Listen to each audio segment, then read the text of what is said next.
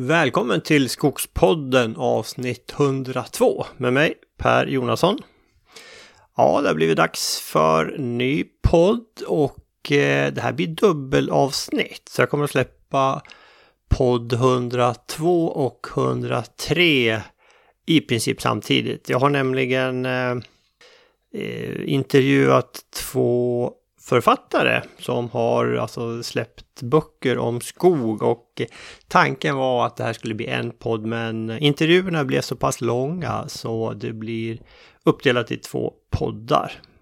Men låt mig återkomma till det. Eh, innan vi börjar vill jag ju tacka min samarbetspartner Föreningen Skogen.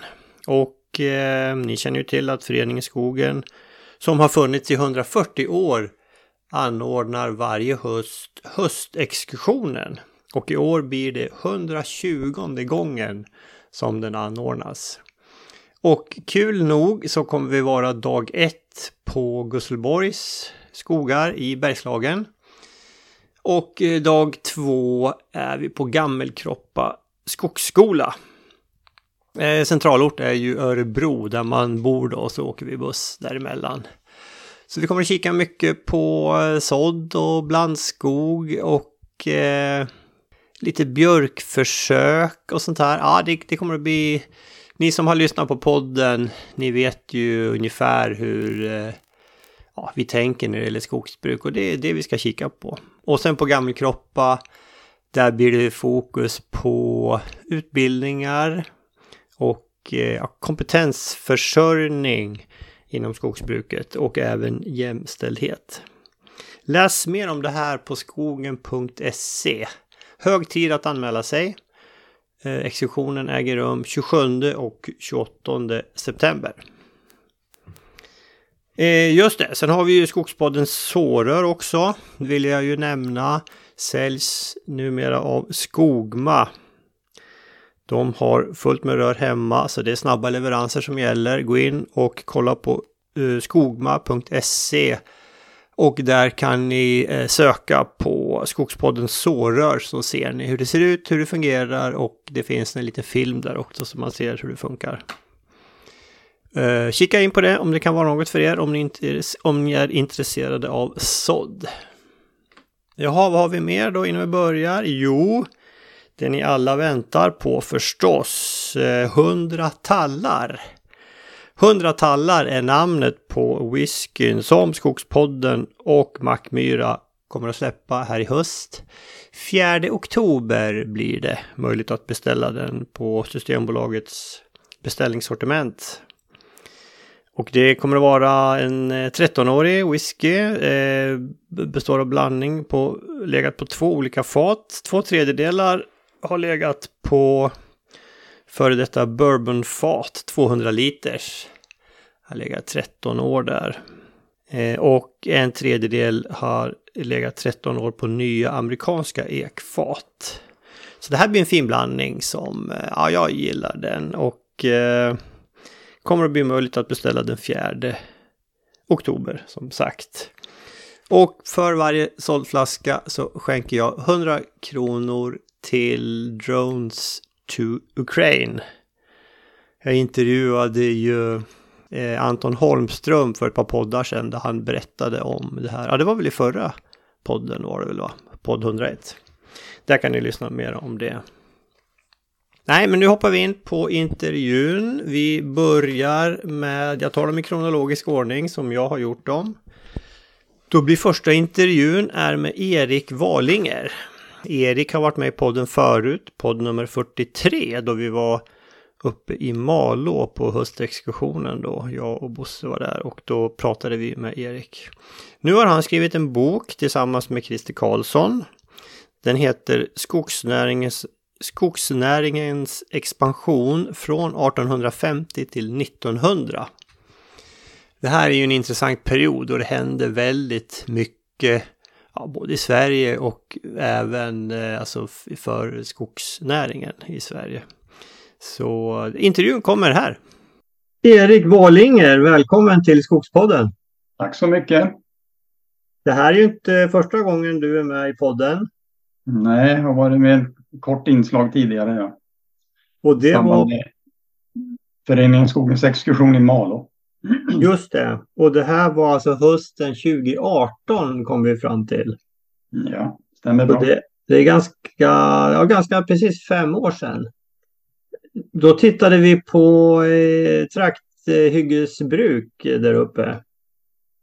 Ja, det var Joel Wretlinds eh, metoder för att avverka skog. Så det, Så. Var lite, det var lite skillnad mot det vi ska diskutera idag förstår jag. Ja, men precis. precis. Men ändå. Lite grann av, av det vi kommer att prata om nu som har en start i, i det som Joel började intressera sig för där uppe i Malå. Mm. Precis, precis. För det är ju så att du och Christer Karlsson har skrivit en bok. Men innan vi går in på det Erik, du kan väl berätta lite kort om dig själv och din bakgrund? Ja, jag har ju jobbat på SLU sedan jag blev färdig jägmästare 1982. Har jobbat med forskning, främst eh, enskilda träds tillväxt, vind och snöbrott. Och sen på senare år en, ett antal e europeiska projekt som behandlar eh, rennäringsskogsbruk som har varit eh, ett eh, intresse som jag har haft senare år. Sen förutom då forskningsinsatserna så har det varit väldigt mycket undervisning. Mm. Och, eh, mitt ämne har varit skogsskötsel. Då. Så att, eh, Just jag har blivit kvar på SLU sedan jag slutade. Med ett, ett litet undantag för att jag var i, på SLU i Garpenberg så har jag varit i Umeå hela tiden. Ända sedan 83 fram till min pension. Då. Ja. 2018. Mm. Just det, just det. Ja, Ja precis. Eh, ja, intressant. Du har ju, nej, men, du har ju uppenbarligen trivts på SLU eftersom du har, har varit där hela tiden.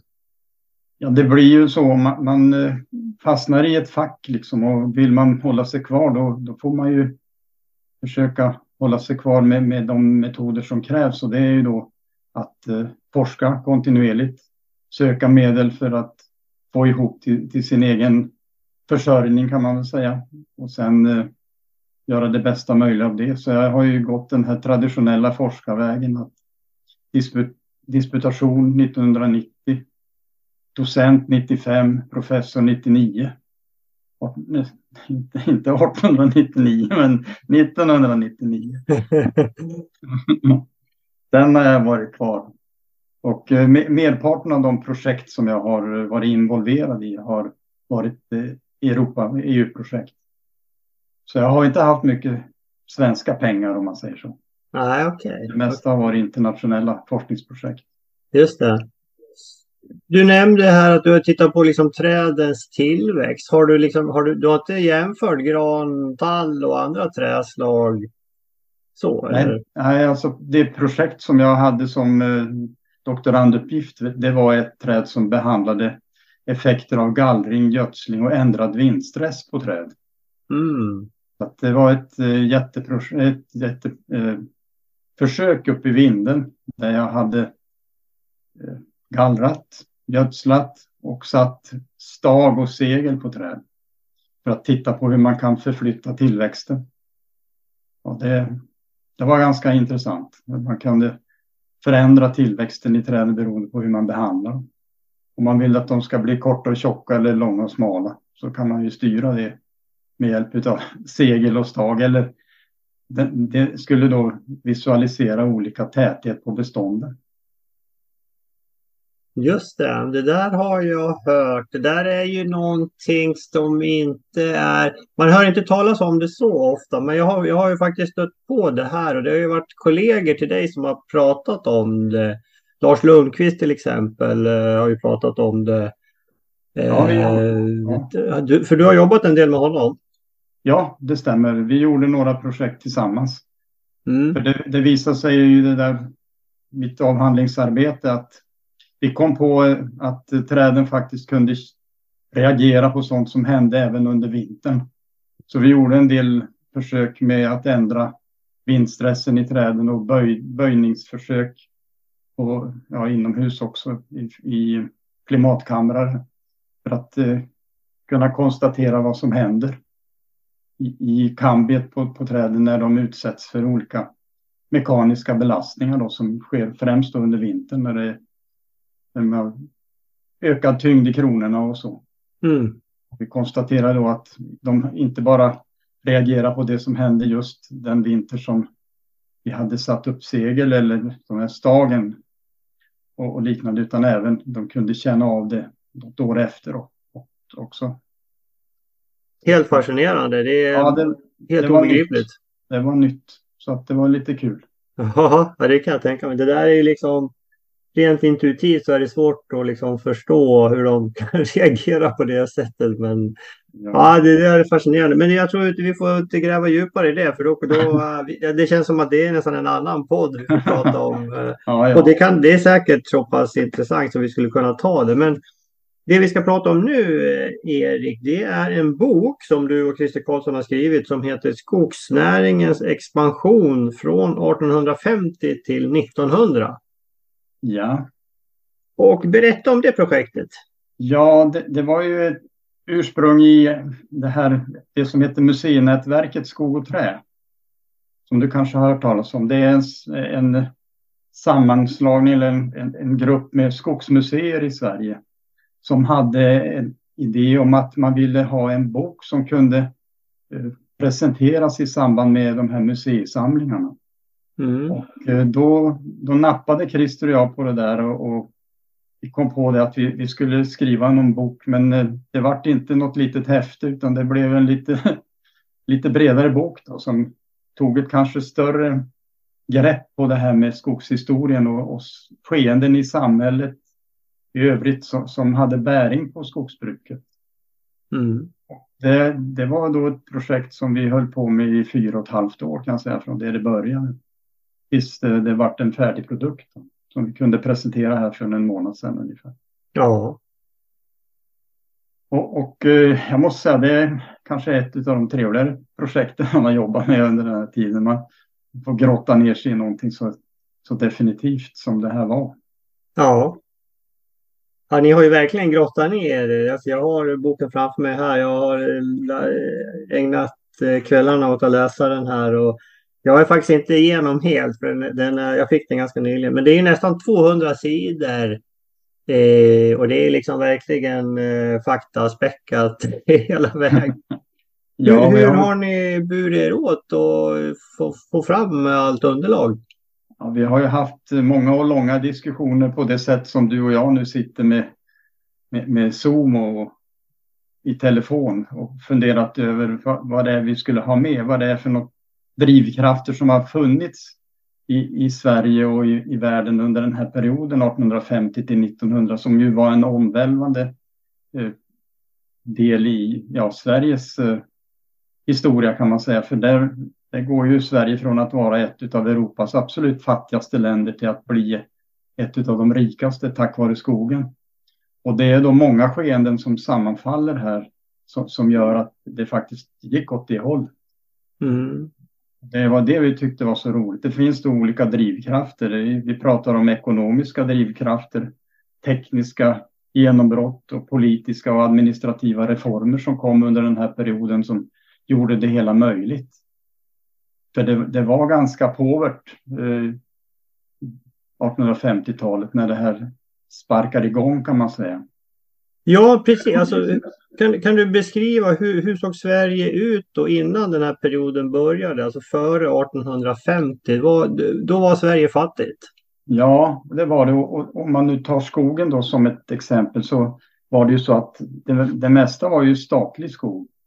Mm. Vilket ju betydde under den här perioden innan att eh, det var ingen som kunde realisera några värden. Men sen har vi då det som kom, det, det var ju avvittringen som var, den hade skett till en del innan. Den pågick ju från 1683 ända fram till 1925. Och det var då statens sätt att avvittra mark då, till privata eh, markägare och främst då jordbrukare kan man säga. Just det, för det, om jag inte minns fel så var det väl, var det inte Gustav Vasa som sa nu är all mark i Sverige kungens typ? Ja, ja men visst, det var ju på 1500-talet. Men sen, sen så, så skedde det då det här med storskiften och laga skiften som gjorde att det, det vart en ännu mer fördelning utav skog, skog och markinnehavet.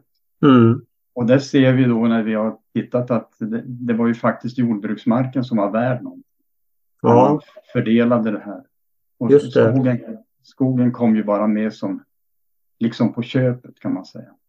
Men det innebar ju då att de här som fick ett ägande av skogen, de, de kunde ju besluta själva vad man ville göra. En del sålde skogen och tjänade på den tiden säkert ganska mycket på det. Andra sålde avverkningsrätter mm. och andra ja, och, och tjänade sitt uppehälle på det. Då. just det. det, det varierade lite grann vad man var intresserad av. Men du, det var ju också, man, man, man pratar ju om eh, att det var ju företag som, som började köpa upp mark från, från bönder då till exempel. Och, men det där blev förbjudet sen efter ett tag, var det inte så? Jo, det stämmer. Eh, Det var väldigt hås kan man säga från företagen. 1890 var väl ett av de största åren, 1890-91. Där eh, skogsbolagen köpte upp väldigt mycket mark. Och det kan man, men det var ju kanske samma bakgrund som jag nämnde nyss, att det var en del som ville av, avnäma den här marken som man hade blivit tilldelad och ville Mm. tjäna pengar på det och göra annat. Mm. Men det var ju en omvälvande tid här. Vi, vi skriver ju då om det här med industrialiseringen i Sverige och Europa och även urbaniseringen, vad som hände här. Och hur det var möjligt att det kunde gå på det här sättet. Och, och ska man eh, se det krasst så var det ju väldigt mycket det som styrde det var ju utvecklingen inom jordbruket då, som jag säger, som, det var ju mer värt. Va? Men Mm. där hittade man på en väldig massa tekniska innovationer som gjorde att det fanns inget behov av att vara så många i jordbruket. Och det innebar ju att eh, en del tog sig in till de större städerna och vilket då drog igång den här urbaniseringen. Mm. Och där, de som tidigare hade levt på landet kom in till städerna och, och eh, tog lönearbeten. Och sen en annan sak som vi då har fokuserat på också i det här med vad som hände i, med städernas utveckling, det var ju att från början så skedde det egentligen ingen annan ökning av städernas numerär av, av folk. Eh, annat än att det var en invandring, för det dog ju bort nästan lika mycket folk på grund av de dåliga hygieniska förhållandena i städerna. Och innan man under den här perioden hittade på botemedel eh, mot eh, eh, virus och bakterier. Och det var ju också någonting som hände under, under den period som vi beskriver, som har gjort att städernas utveckling faktiskt gick mot att när det föddes barn i städerna så bidrog det till att städerna blev mer och mer rika på folk. Då. Mm. innan. Tidigare var det bara beroende på att det flyttade in folk, men det dog ju lika många. Ja. Så det, det, var ju, det var ju tuffa förhållanden. ja, det var det. Mm. Men vad, vad, vad var det då som, för jag menar, liksom, det var ju liksom skogen kom ju att betyda så väldigt mycket under den här perioden och liksom skogsbruket, vår export ökade väldigt mycket. Vad var det som liksom drog igång det hela? Ja, alltså fördelen eh, och det, det var ju att man kunde etablera industrier. Eh, skogsindustrier och de etablerades ju i, i första hand eh, älvarnas mynningar. Och det var flottningen framför allt då som eh, skedde från inlandet och ut mot kusten. Ja. Och eh, det var ju, om man ser på det så har vi ju ett, ett ganska lång sektion, eller sektion i boken som handlar om kanalbyggande och, Mm. flott, och flottning som ju var det som drev det. Det vill säga Sverige var ett, ett land där mycket av transporten av det här virket skedde från väster till öster. Om vi ser hela, tittar på hela Norrlandskusten så låg ju industrin i öster. Så att Sverige vart ju ett land som man kan säga eh, etablerades på tvären. In, innan eh, järnvägar och, och landsvägar har byggt, eller byggdes ut. Där då förhållandena blev lite annorlunda eftersom järnvägarna gick då från norr till söder. Eller söder till norr ska jag väl säga. Mm. Utvecklingen skedde främst då i södra Sverige. Men eh, det var ju mycket av det här kanalbyggandet som, som drev det hela och det, det var samma när man tänker på industrialismens utveckling eh, som ju startade i, Storbritannien. Det var ju på samma sätt där då kanalerna som var den drivande faktorn. Att det fanns möjligheter att etablera industrier på andra ställen än just eh, där folket bodde. Man kunde ha industrier även i inlandet. Mm. Just det, just det. De låg ju lite före oss när det gäller kanalbyggandet. Jag vet från Platen, han var ju och tittade i England innan han gav sig på att börja gräva Göta kanaler. Ja, det stämmer. Mycket, mycket av de idéer som kom, det var ju sånt som etablerades i Storbritannien först då. Mm. Som, som, kom hit sen då. Just det. Men du, själva alltså, när vi, flottningen, Ångermanälven till exempel, där flottar man ju väldigt mycket. Och eh, från början var väl sågverken, så skriver ni här, att de var ju liksom drivna och alltså vatt, vattendrivna också, eller alltså ja, av vattenkraft. Men, men ja. senare blev det även ång, man använde ångmaskiner för drift. Ja, men visst, och det, det, var ju det som drev det hela lite snabbare fram då, för att eh, när, när sågverken drevs av, av, vattenkraft, då var man ju tvungen att etablera dem vid eh, ställen där vattnet rann fort. Va? Men sen när eh, man startade upp det här med ångmaskinerna som kom till Sverige, kan man säga, det startades upp 1849, så, så var det ju möjligt att etablera sågverk på andra ställen än, än precis vid, vid vattendragen. Mm. Och det ändrade förhållandena en hel del. Sen, sen, har det som kom efteråt, det var ju utveckling av elektriciteten. Där de här ångmaskinerna från början användes för att alstra energi i form av el. Då. Mm. Som, som blev det nya drivmedlet som kom fram i slutet av 1800-talet.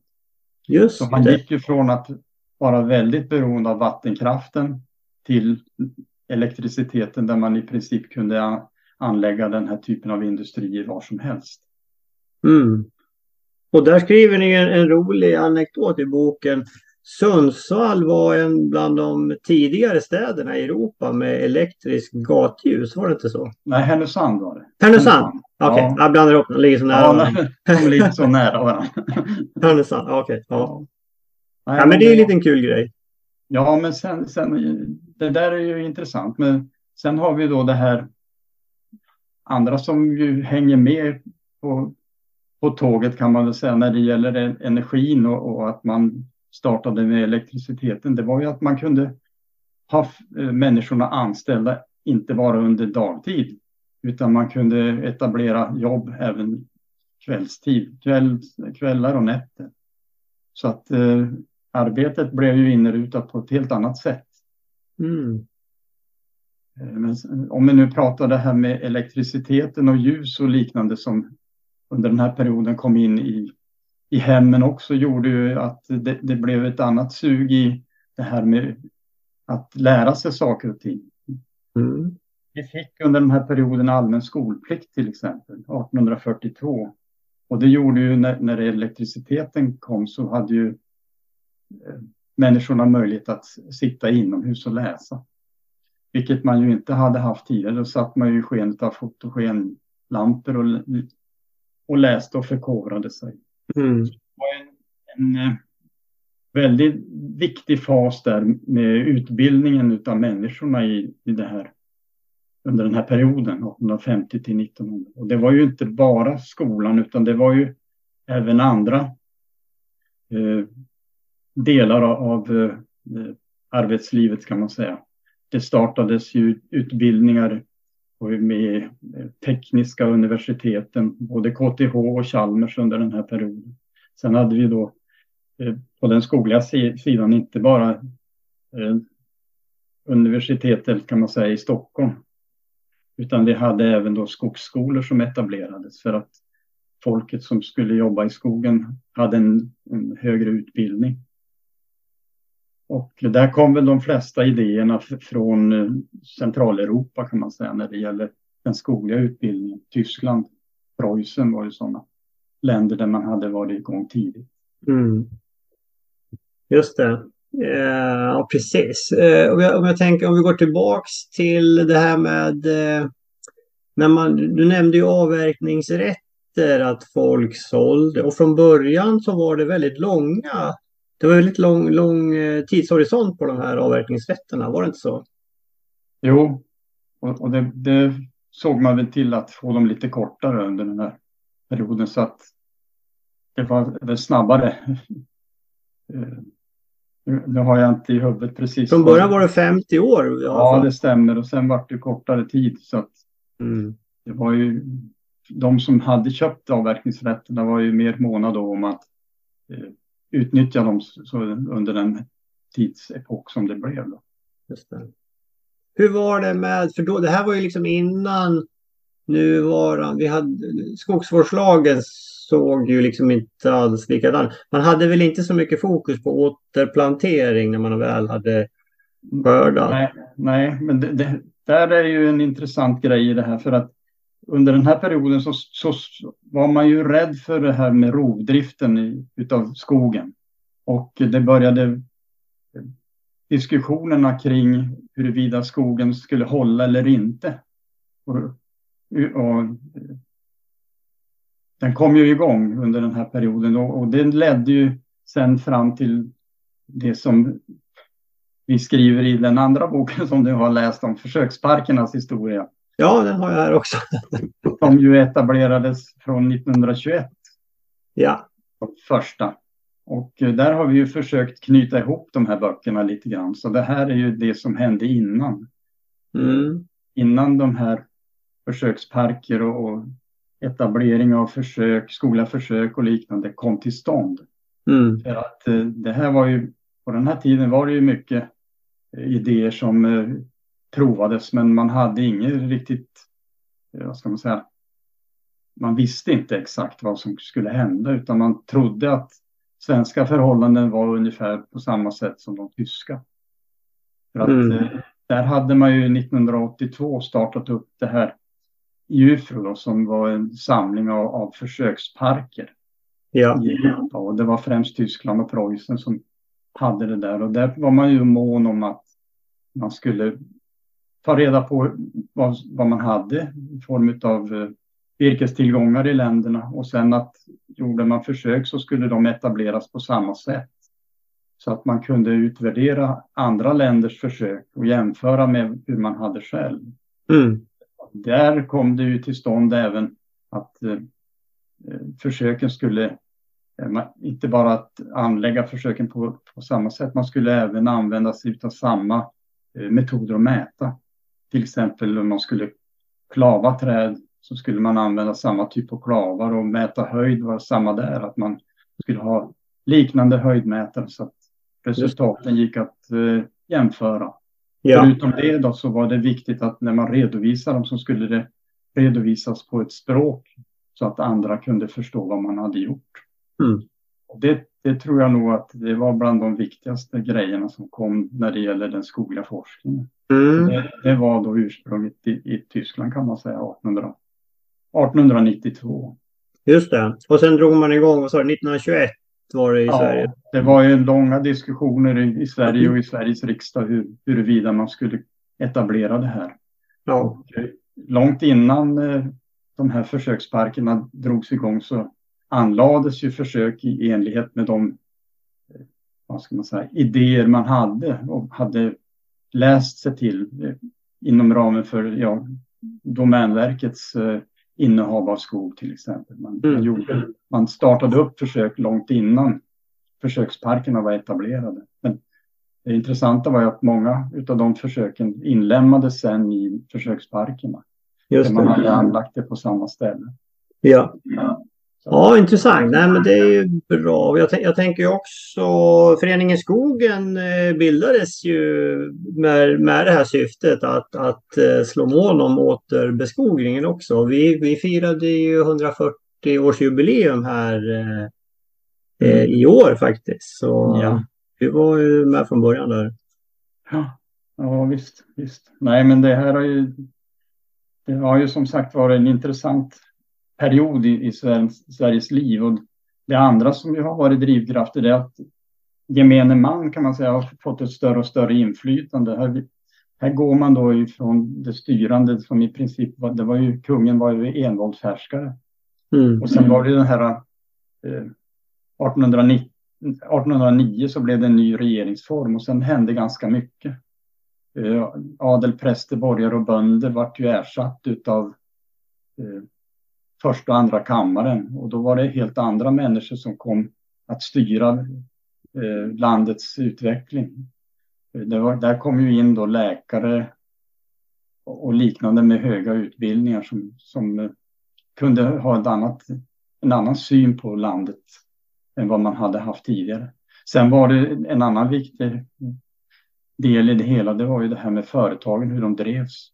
Det var ju mm. nästa system tidigare och, och eh, de som utövade eh, försäljning av varor och tjänster i, i städerna. Där, var det så fast låst så att det var ju ingen som kunde etablera nya företag. Men det släpptes under den här perioden och, och vem som helst i princip kunde starta egna firmer och aktiebolag. Och det var också någonting som gjorde att den här utvecklingen gick ganska fort. Mm. Just det. Så det var det, mycket, ja. Det, det, var ju, på tal om det, alltså det, var, det var ett antal entreprenörer som, som såg den här affärsmöjligheten också att eh, köpa upp avverkningsrätter, flotta ner timret och sen såga upp det och ganska mycket exportera timret sen. Det var ju det, det finns ju några liksom, familjer som fortfarande, jag tänker på Kempe till exempel. Ja. Hon var väl en av de, de som, som eh, var på hugget där och, och drog igång den här verksamheten då någon gång där på 1800-talet. Kan du berätta lite om, om de här entreprenörerna?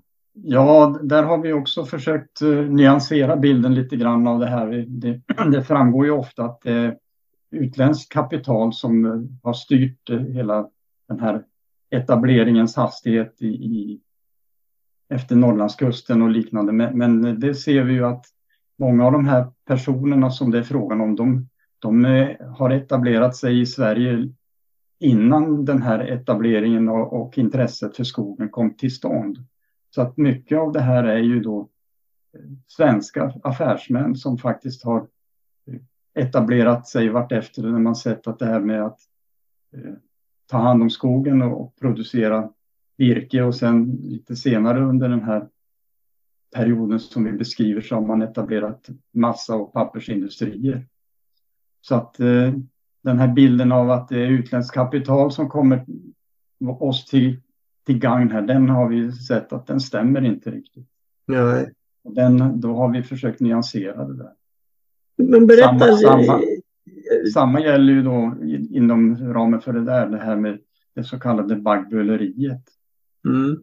Där är ju också en myt att det var en rovdrift, men det, på samma sätt som jag beskrev att det var personer som faktiskt fick ett ägande av skogen som såg till att sälja virket till Baggböle såg, till Dixon här, som, som gjorde att eh, de tog, tog hand om en hel del, men, men, eh, som sagt, de blev aldrig dömda för, för att de hade stulit virke av någon i Älvdalen här. Nej. Och det är ju lite intressant att det, någonting sånt här blir en sån myt så att man nu, är, nu betraktar man ju allting som skövling. Och i, när man säger eh, då, då nämns det som baggböleri. Men i själva verket så var det kanske någonting helt annat. Mm. Just det. Men det kom ju ändå, vi, vi nämnde ju det förut här, det kom ju ändå en lag där som gjorde att eh, skogsbolagen inte fick köpa upp privat mark. Och det var mm. väl kanske ett sätt att liksom hindra dem. Eh, liksom, man kan ju tänka sig de här stora bolagen att de liksom år efter år passat på när liksom kanske priserna var lite lägre och liksom gå in och köpa upp mark. Mm. Och jag menar idag har vi ju 320 000 privata skogsägare som äger ungefär hälften av vår areal. Det, det, det får man ändå se som en, liksom en väldigt positiv grej tycker jag. Ja, just, just. Eh, om man jämför med kanske Kanada där liksom staten äger all skog. Man får inte alls samma eh, ja, variation i skogsbruket. Eh, jag kommer jag kom inte ihåg när, när, när den här lagen kom. Eh, precis. Kommer du ihåg det? Ja, jag har inte det i huvudet. Jag ska se om jag kan lite snabbt slå. Vi har ju lagt mycket möda på de här registren i slutet som det kanske Ja, precis. Eh, det, det, ja, precis. Men som du säger, det här med baggböleri, det har väl det hör man ju talas om ibland. Eh, jag förknippar det mest med att man liksom köpte upp mark från bönder, men det kanske inte är det som avses riktigt. Nej, det var ju virket man tog hand om främst. Mm. Man, man, köpte avverkningsrätter. Ja, precis. Mm. Just det. Ja, jag hittar inte det där. Men det var väl, det var väl slutet på 1800-talet någon gång? Ja.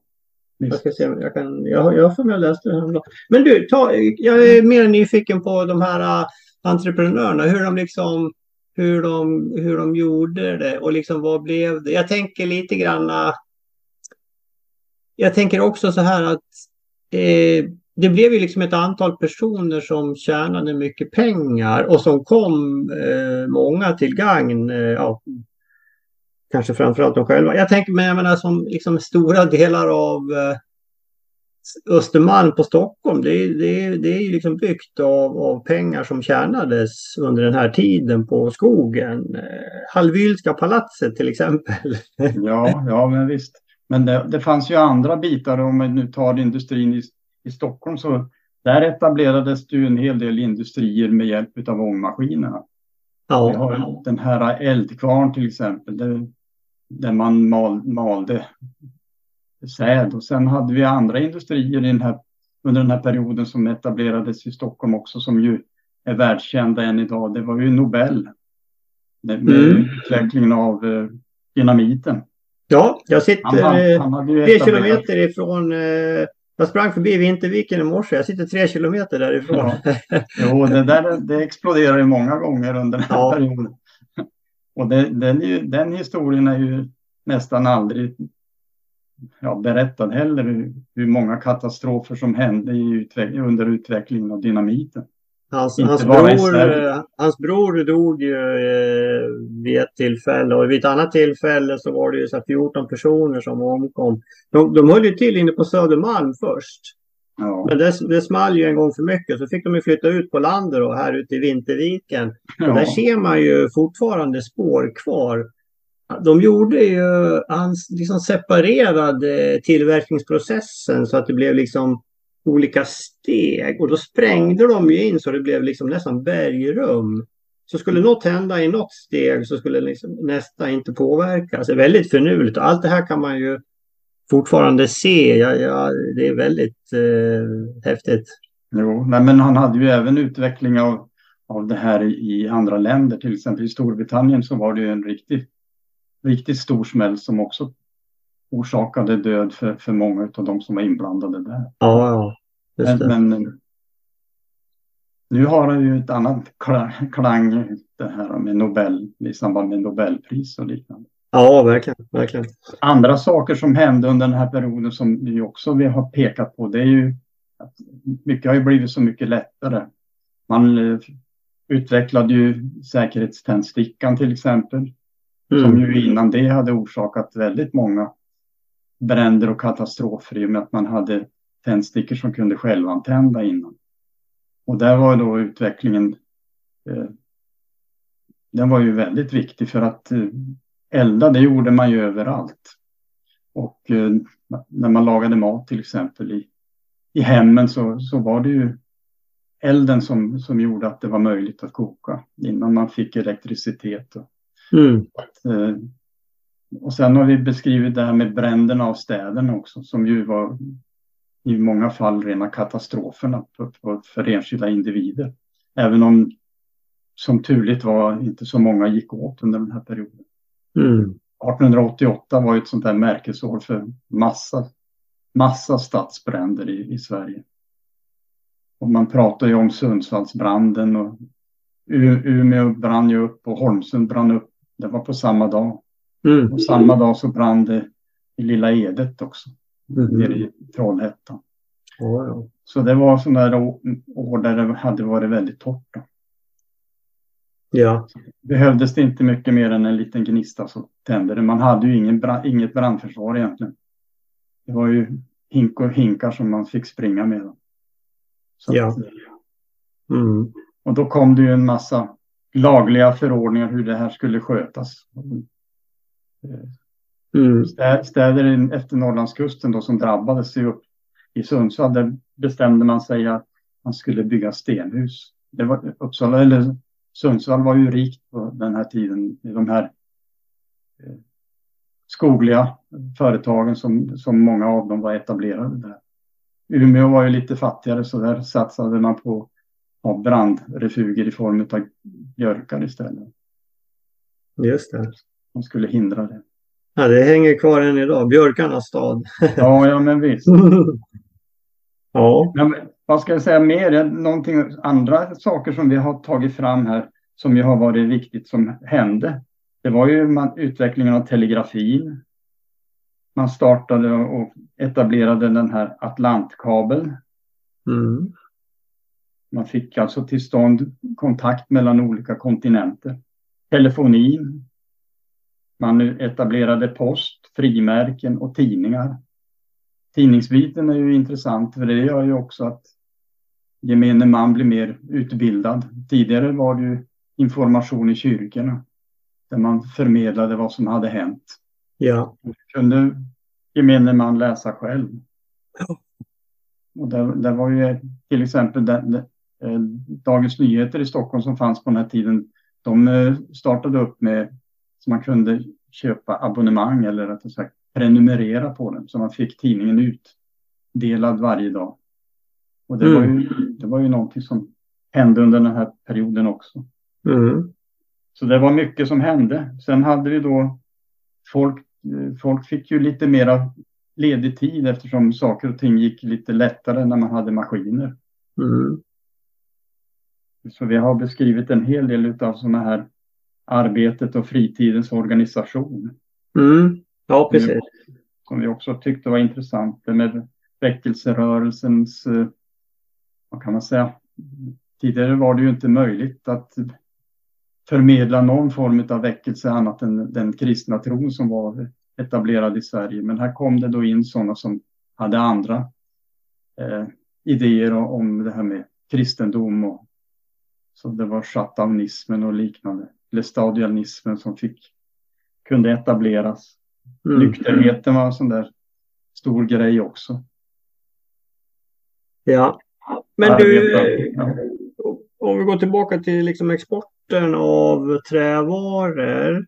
Mm. Eh, från 1860 till 1930 så, låg, så var så totala exportvärdet låg på 40 till 50 procent när det gäller skogsprodukter inklusive papper och massa. Mm. Hur pass viktigt var det här liksom för Sveriges utveckling rent ekonomiskt? Att vi gick från ett fattigt land till ett betydligt mera välmående land? Ja, det, det, det måste vi, det, det, har vi försökt förmedla att det var ju absolut eh, avgörande för att vi är det land som vi är idag. Och det glömmer man ju ofta bort. Och, och det andra man glömmer bort här det är ju att det faktiskt inte är så mycket mer än hundra år sedan. Nej vi, vi var ju otroligt fattiga innan.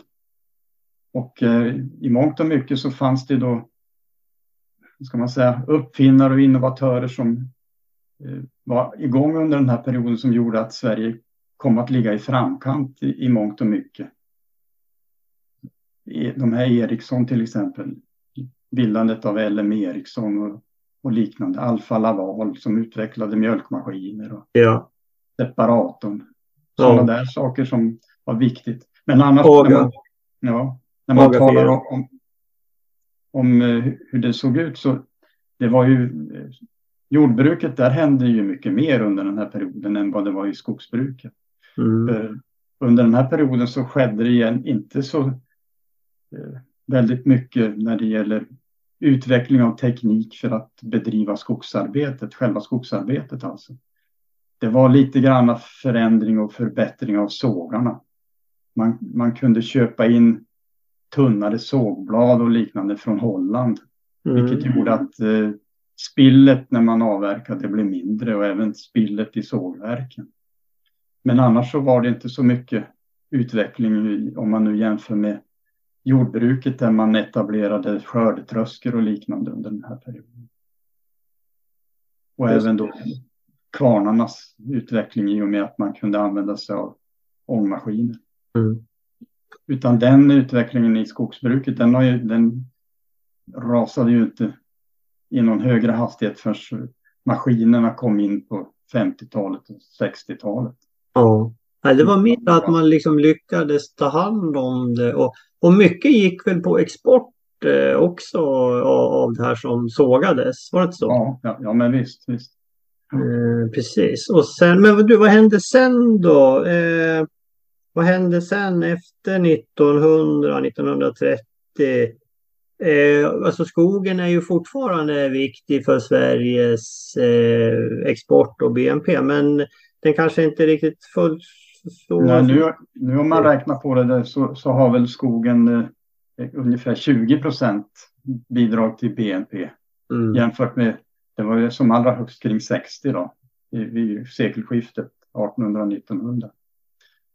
Så Från 60 eh, till 20, ja det är fortfarande ja. betydande men det kanske inte ja. fullt lika mycket då. Mm. Mm. Så att, eh, nej, det är mycket som har hänt. Och, och, som sagt den här perioden som vi försöker beskriva då den, den var ju i mångt och mycket väldigt omvälvande för, för inte bara skogsbruket utan även för gemene man i Sverige. Ja. Man etablerade ju sånt här som, som ju var väldigt viktigt. Eh, vattenförsörjning i, i hemmen och hur man tog hand om eh, latrin och, och avfall. Mm. Det, det skedde ju stora förändringar under den här perioden. Vad, vad tror du eh, personligen, vilka liksom var de största förändringarna som, som skedde, de viktigaste förändringarna som skedde under den här tiden?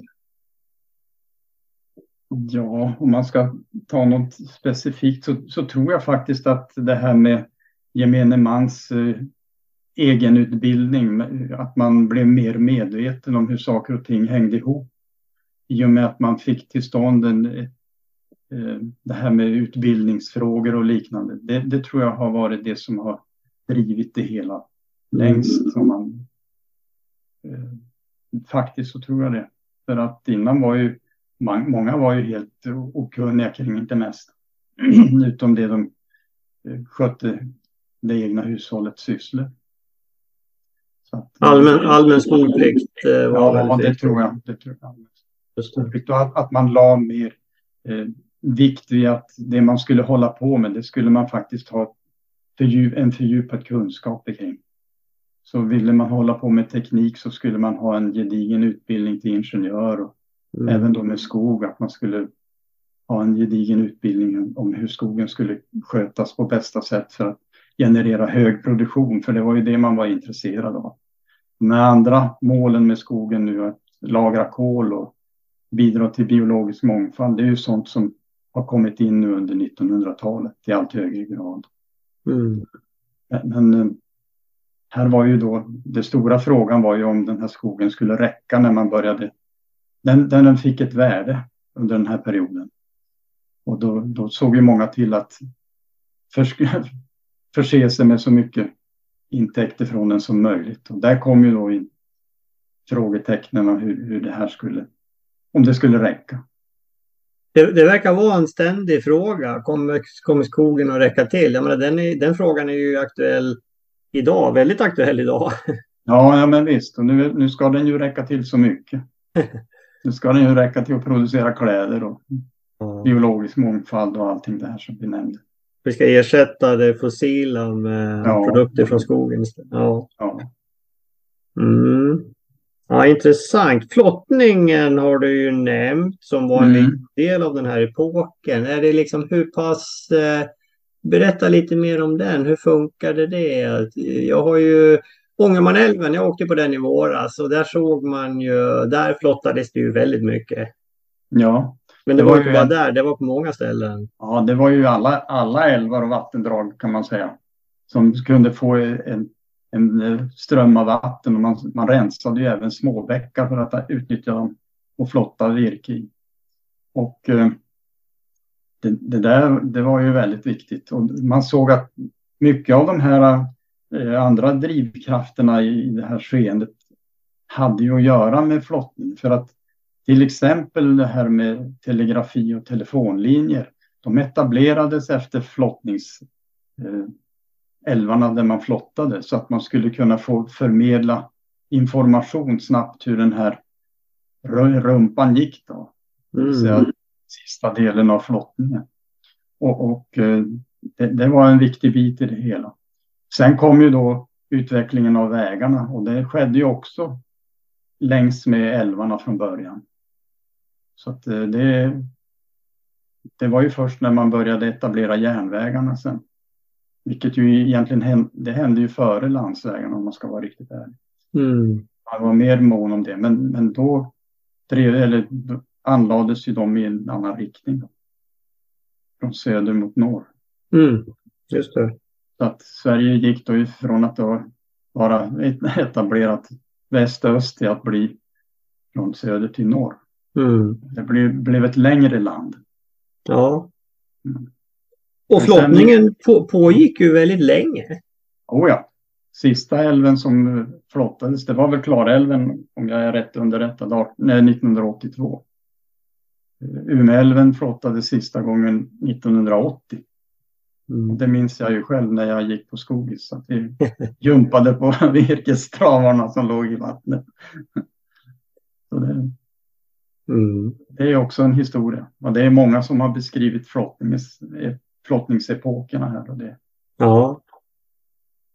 Det ja, hur har det här är ju som sagt, det är ju inte bara eh, ni har inte bara beskrivit skogsnäringen utan all, allt det här som hände under den här perioden. Och det är ju som du säger, det är ju väldigt mycket, mycket uppfinningar och utveckling och eh, eh, aktiebolagslagen, skolplikt, stånd, riksdagens avskaffande, frihandel. Ja, det händer ju väldigt mycket. Vad, eh, hur har mottagandet varit? Har ni fått några reaktioner på boken?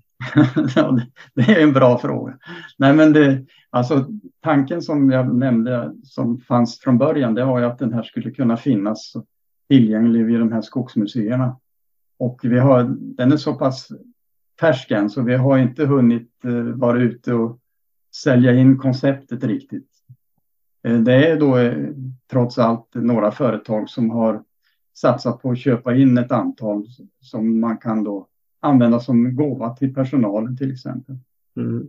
Så att vi, vi hoppas ju att eh, många ska tycka att det är en intressant publikation för det som skiljer den här är väl att vi har försökt ta ett lite större grepp på, på det totala skeendet än vad många andra gör. Fokusera på en del i det hela. När vi har försökt baka jo. ihop allting som hände den här perioden. Ja. Du, om man är intresserad, hur, var hittar man den här någonstans då? Eh, det enklaste är att ta kontakt med Christer Karlsson som, som eh, kan förmedla och skicka dem här till den som är intresserad. Och vi, vi kommer att eh, försöka sälja den och även i samband med exkursioner och liknande. Sen finns den ju på Skogsbiblioteket, så man kan låna den. Så att ja vi ska försöka torgföra den lite bättre än vad vi har hunnit göra. Mm, för ni har, ni har väl delvis finansierat den själva har jag förstått? Ja, helt och hållet. Helt och hållet till och med? Ja. ja, ja. Eh, vi hoppas ju på att det, det är företag eller tidskrifter nu då och tidningar som kommer att recensera den så att det kommer ett, eh, ett eh, sug efter den. Mm. Vi hade ju en eh, hundraårsexkursion i Vinden här förra, förra veckan och det var ganska stort intresse att köpa den. Så vi sålde ganska stort antal. Just det. Där. Ja, men ni har ju de här skogsmuseerna också. Det är, det är ju ett uppe i, i Lycksele, eller hur? Ja. Det besökte vi ju på uh, exkursionen här för mig. Ja, Skogs, Skogs och samemuseum. Ja, precis, precis. Och så finns det ett i, utanför Särna också. Jag brukar passera när jag åker upp till Grövelsjön. Ja, just det. Ja, det fin- de är nu totalt, jag läste på, de är, finns inom ramen för någonting som heter Skogsriket på nätet. Ja. Det är 17 stycken skogsmuseer nu. från den nordligaste är väl den i, i eh, som finns i Storforsen, i Piteälven. Uh -huh. Uh -huh. Sen har vi ända ner mot Deromme i södra Sverige. Just det. Så att jag hoppas väl att den får ett, får ett, ett, ett intresse så att vi kan försöka förmedla i alla fall det vi har kommit fram till under den här perioden som vi tycker då har varit en oerhört av, eh, viktig period i utvecklingen av Sverige. Det är, eh, jag, jag, håller med om att det är en väldigt intressant period och, och just det här med hur, hur viktig skogen var för Sveriges utveckling. Och det är ju liksom det, jag har väl en känsla av att det är något, eh, alla har inte koll på det, att hur viktigt det var och hur mycket det betydde för Sverige. Ja, både Sverige och även Finland naturligtvis har ju också mm. en liknande historia. Ja, men visst. Det var ju en period då där tidigare var det ju bergsbruket och järnhanteringen som var det drivande, men här kom ju då skogen in och blev tog över den rollen. Ja, det. just det. Ja, nej, men... Och det är, ju, det, är ju, det är ju fortfarande en väldigt viktig eh, näring eh, för, för Sverige. Ger, ger, mycket, ger många jobb. Ja, visst. ja, nej, men intressant. Eh, kul Erik att prata med dig och vi, jag tror vi får börja runda av. Mm. Innan vi avslutar, vad, jag brukar alltid ställa frågan till de jag intervjuar. Vad vill du skicka med för budskap till landets alla 320 000 privata skogsägare? Sätt segel på träden. Nej. Nej, de, de var ju de korta och tjocka. Nej, men eh, jag tycker nog att eh, det, det viktiga är att när det gäller det, det egna skogsbrukandet, det är ju att man sköter skogen på ett sätt som man tycker att man är nöjd med själv. Det vill säga man, man utgår ifrån ens egna eh, uppfattning om hur man vill för, skicka med sin egen skog till kommande generationer. Som lärare på, på Skogis då, har det ju varit så att vi har ju undervisat i alla möjliga varianter på, på skogsskötselmetoder. Och eh, tvärt vad många tror så har vi ju inte fokuserat enbart på trakthyggesbrukets varianter utan vi har ju förmedlat även då hur man på rätt sätt ska kunna bläda. Och det hade ni ju en skogspodd, du och Lars, för ett litet tag sedan. Där han för, förmedlar hur, hur man ska sköta den här granskogen om man vill bläda den. Men, men vi har ju en hel massa eh, olika alternativa former att sköta skogen även inom ramen för det som man kallar för trakthyggesbruket. I form av skärmskötsel, eh, skärmskogsbruk, både granskärmar och tallskärmar. Och sen luckhuggningar, kanthuggningar, stråkhuggningar, you name it. Mm. Sen kan man blanda då träslag precis som man vill själv. Det tycker jag är viktigt att den som äger skog gör det enligt eget gottfinnande och efter lagens råmärken ska man väl säga. Mm. Där, där förändras ju synen ganska kraftigt mellan olika lagar som vi har haft. Om vi tar den förra skogsvårdslagen vi hade från 79, då var det ju väldigt hårt reglerat allting. Och då var ju till exempel en sån behandling eller en skötselmetod som blädningsbruket, den var ju förbjuden. Och den har ju numera då accepterats. Mm. Så det, jag tycker att jag, jag sa en gång i samband med ett eh, ett föredrag i Uppsala, att våga forska laglöst. och det har vi fått igenom då i skogsvårdslagen, att forskningen, vi får, vi får göra vilka behandlingar som helst. Mm. Bara för att kunna dra ut uh, olika alternativ till sin yttersta spets för att testa yeah. vad som är, är, lämpligt och vad, vad som går att göra mm. när, det är, när man kommer till skogsskötsel. Och det andra är ju att och har man då många skogsägare som sköter skogen på olika sätt så har man ju en större diversitet att få in kunskap om för framtiden också. Det tycker jag är viktigt. Då är det. Nej, men jag håller, det är kloka ord tycker jag Erik. Bra, bra avslutning utan man får eh, lyssna på sin egen eh, röst och eh, prova på lite olika metoder. I, man, man, man bestämmer själv hur man vill sköta sin skog. Ja, ja men visst. Ja, ja men bra, bra sagt. Eh, stort tack Erik för att du ville vara med på den här uh, intervjun och prata om er bok Skogsnäringens, Skogsnäringens expansion från 1850 till 1900. Ja, Stort tack och uh, lycka till med fortsatta bokutgivningar. mm, tack ska du ha. Tack! Ja, där hörde vi Erik eh, berätta om boken och eh, ja, det här, jag tycker det här är jätteintressant. Det är ju liksom, det här byggde, det här, det här tillförde ju Sverige väldigt mycket. Alltså Sverige var ju väldigt fattigt. Slutet på 1800-talet.